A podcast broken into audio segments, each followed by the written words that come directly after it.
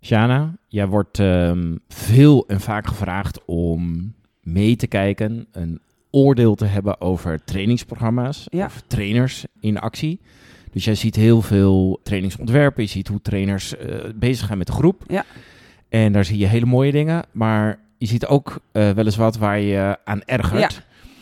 En er is één ergernis, die, zie- die hoor ik best wel vaak Ja, voorbij komen. laten we daar maar eens over hebben. Daar moeten we het over hebben? Here we go.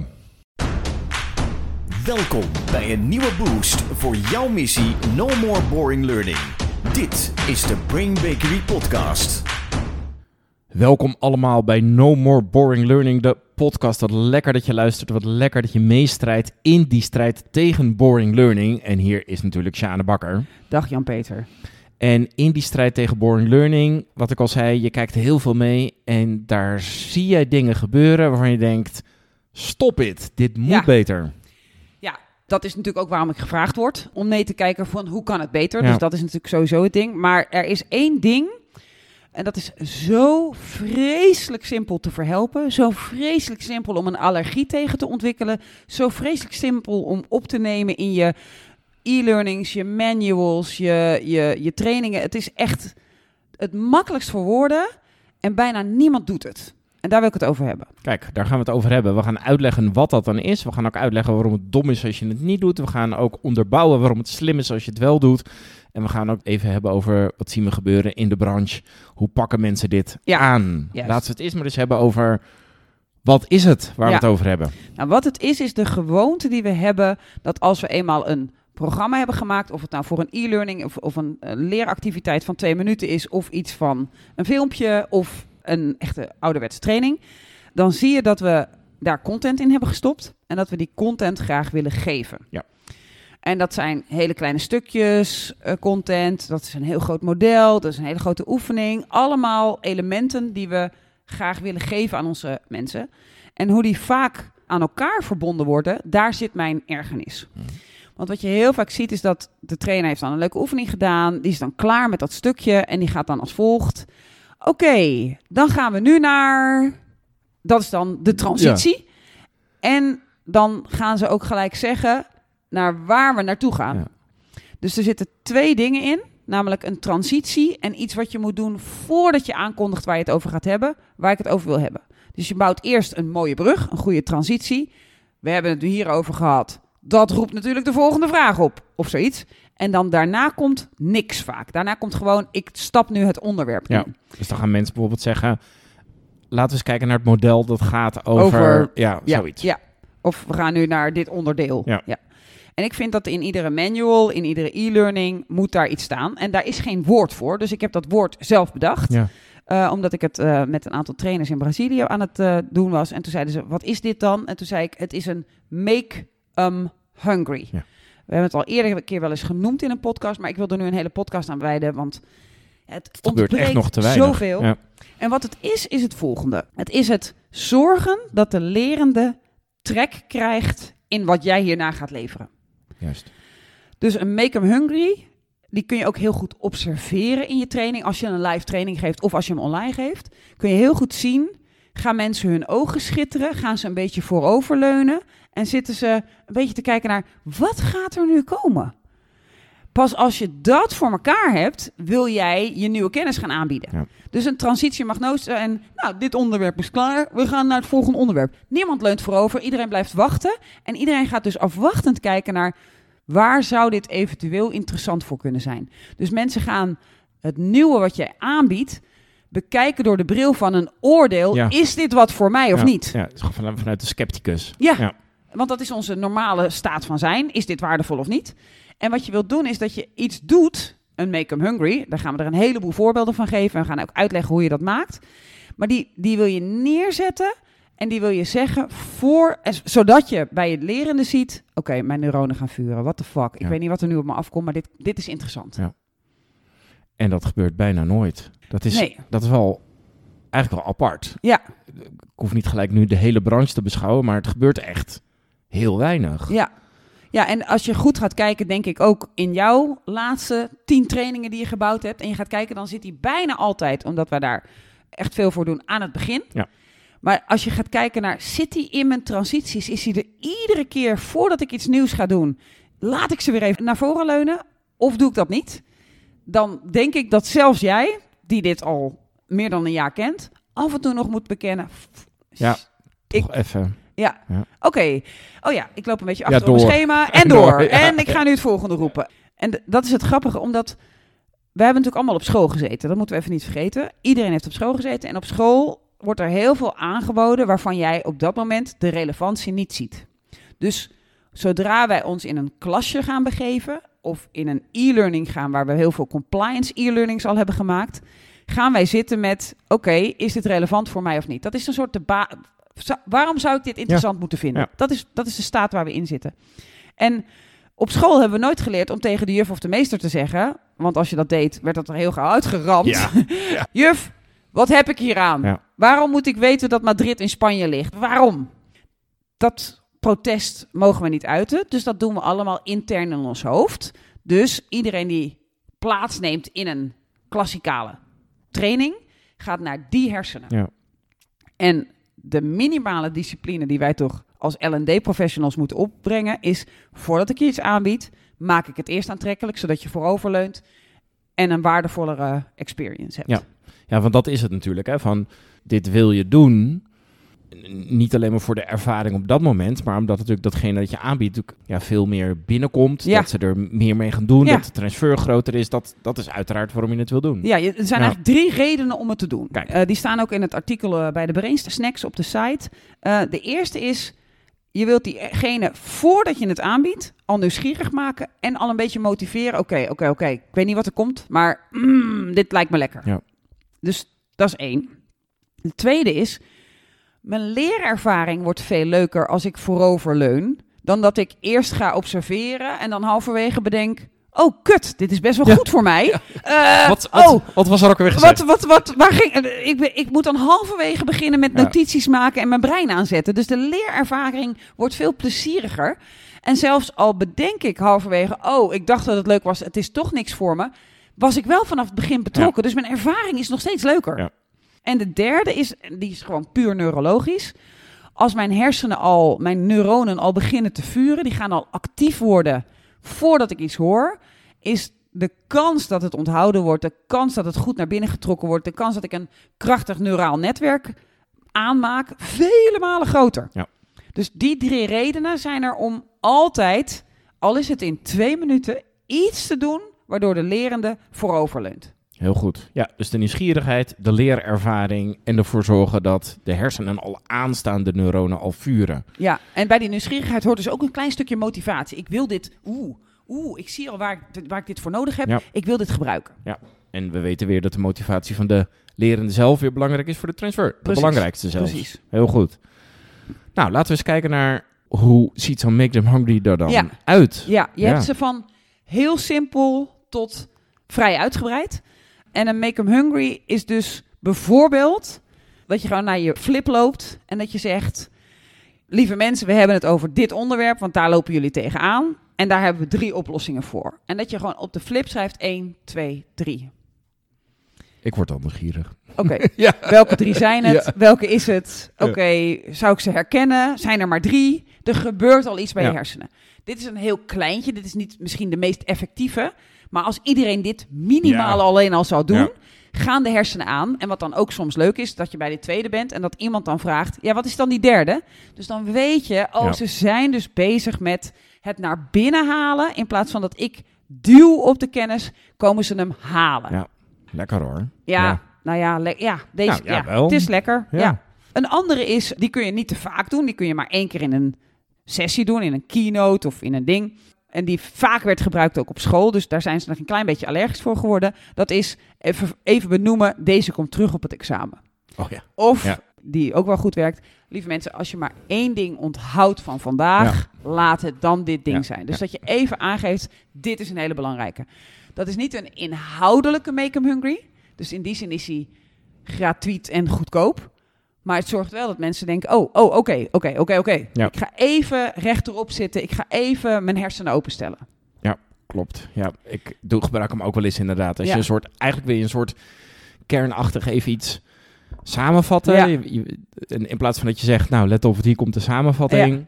Als je maar... Onthoud deze. ja, Ja, ja. ja. die moet je niet iedere keer doen. Nee. Je moet hem ook echt menen. Je moet daarna ook echt uit je dak gaan Ja. over dat ding wat je dan gaat zeggen. Hè? En, en je moet ook nog aan het eind van de dag zeggen, wat was ook weer het belangrijkste. Hè? Dus je moet hem ook, je moet hem ownen.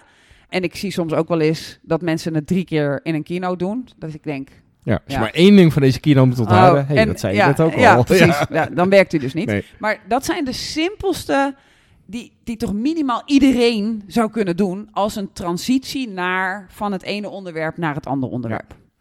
Ja, nu eh, zie je ook wel dat er in, eh, in bijvoorbeeld trainer-traineropleiding of zo, volgens mij zit hij ook al bij, bij de Galan eh, erin, Ja, dat zij mensen vraagt, of dat zij mensen leert om aan de deelnemers te vragen, wat is jouw casus? Of Ja. wat is jouw situatie? En, en daar dan heel erg op in te zoomen, uit te pluizen, af te pellen. Is dat dan ook een effectieve vorm van, ehm, van een Make Them Hungry? Dat is zeker een effectieve vorm van een make or hungry. Het is een hele lange en uitgebreide.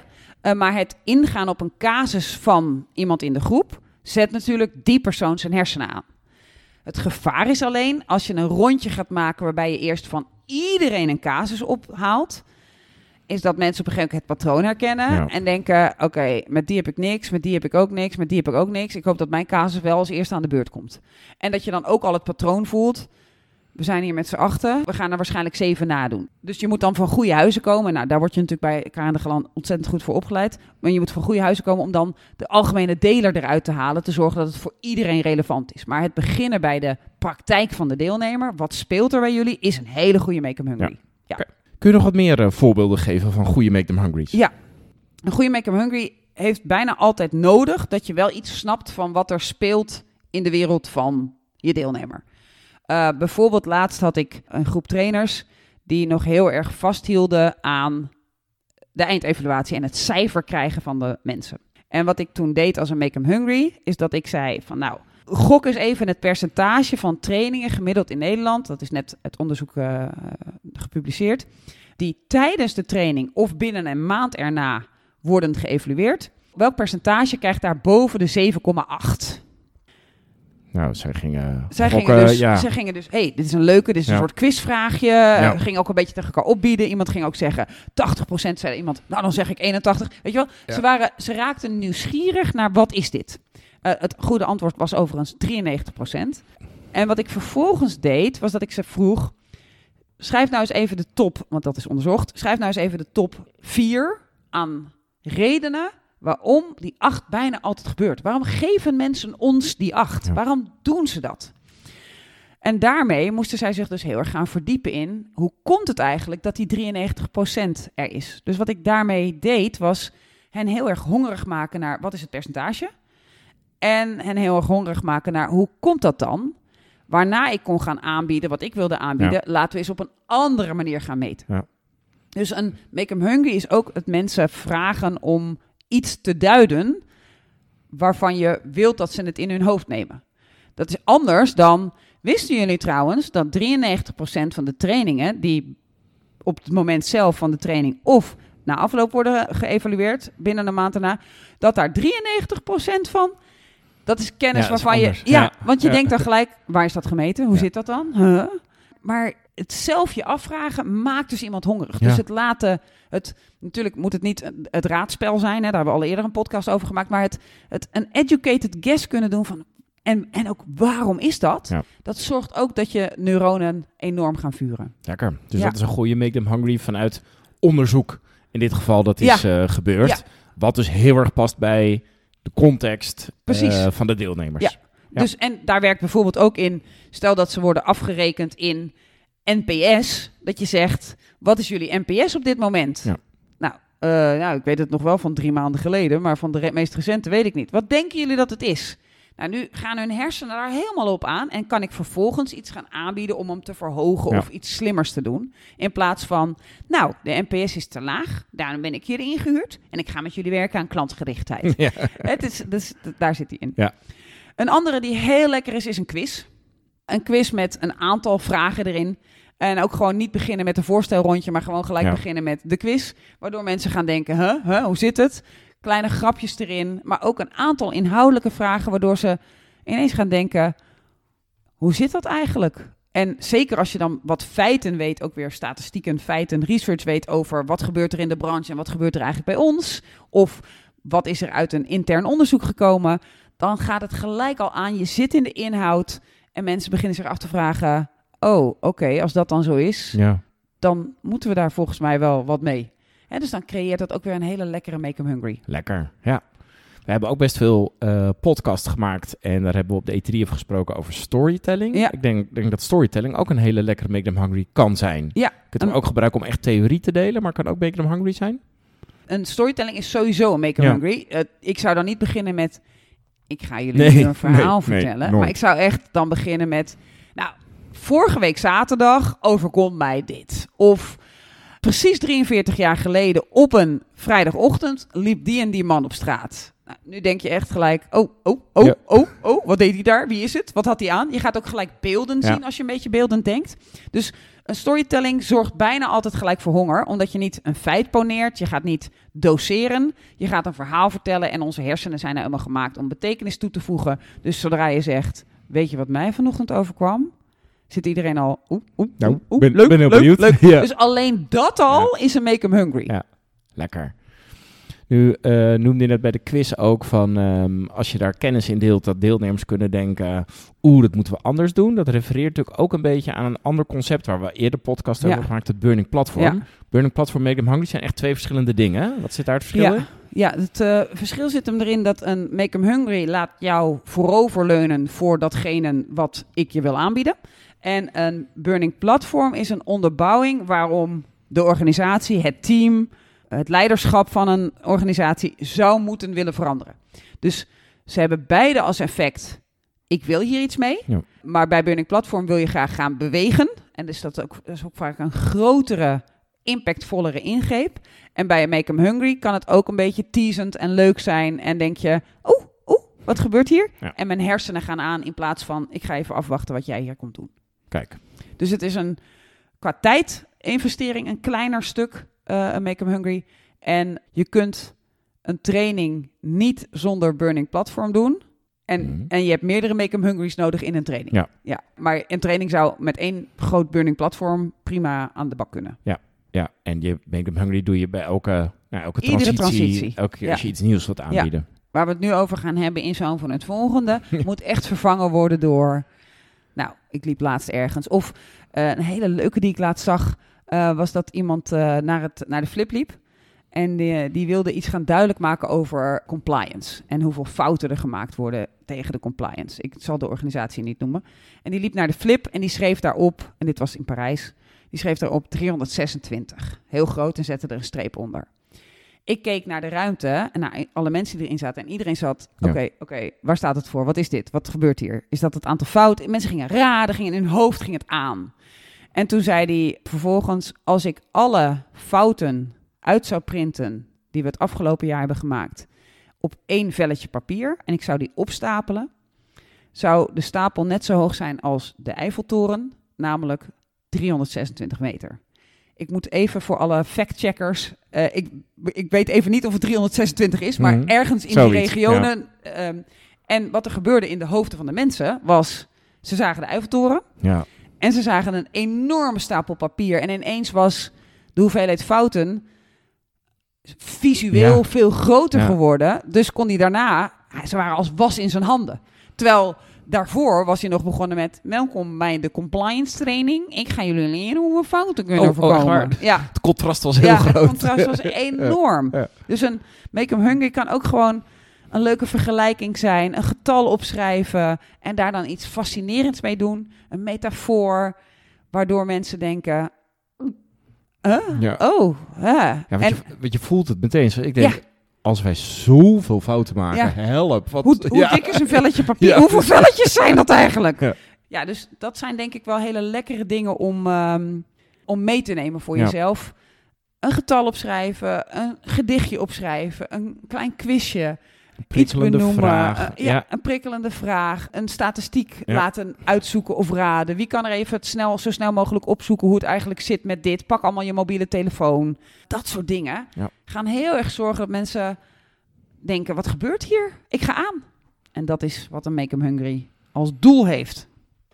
de Make 'em Hungry. Voor alle trainers, facilitators, L&D'ers. eh, Instructional designers. oh, lekker. Ah, ja. in de e-learning moet hij dus ook, hè? In de e-learning moet je ook beginnen met iets waardoor iemand denkt: ik Oeh, wil nu op ja, knop, ik wil nu op ja. next drukken in plaats van ik druk nu automatisch op next en doorloop hier alles. Je moet zorgen dat iemand denkt: "Ah, drukken. Oh, ik weet niet wat er nu komt, maar dit wordt leuk. Ook voor de e-learning designers. Ja. Je hoort het. Heel erg bedankt voor het luisteren en heel graag tot de volgende aflevering. Heb jij ook zo'n trek? Ik ga eten nu. Ja, iets knabbelen. Even een klein knabbeltje. No more boring learning. Dit was de Brain Bakery podcast. Wil je meer weten? Kijk dan op brainbakery.com of volg ons op onze socials.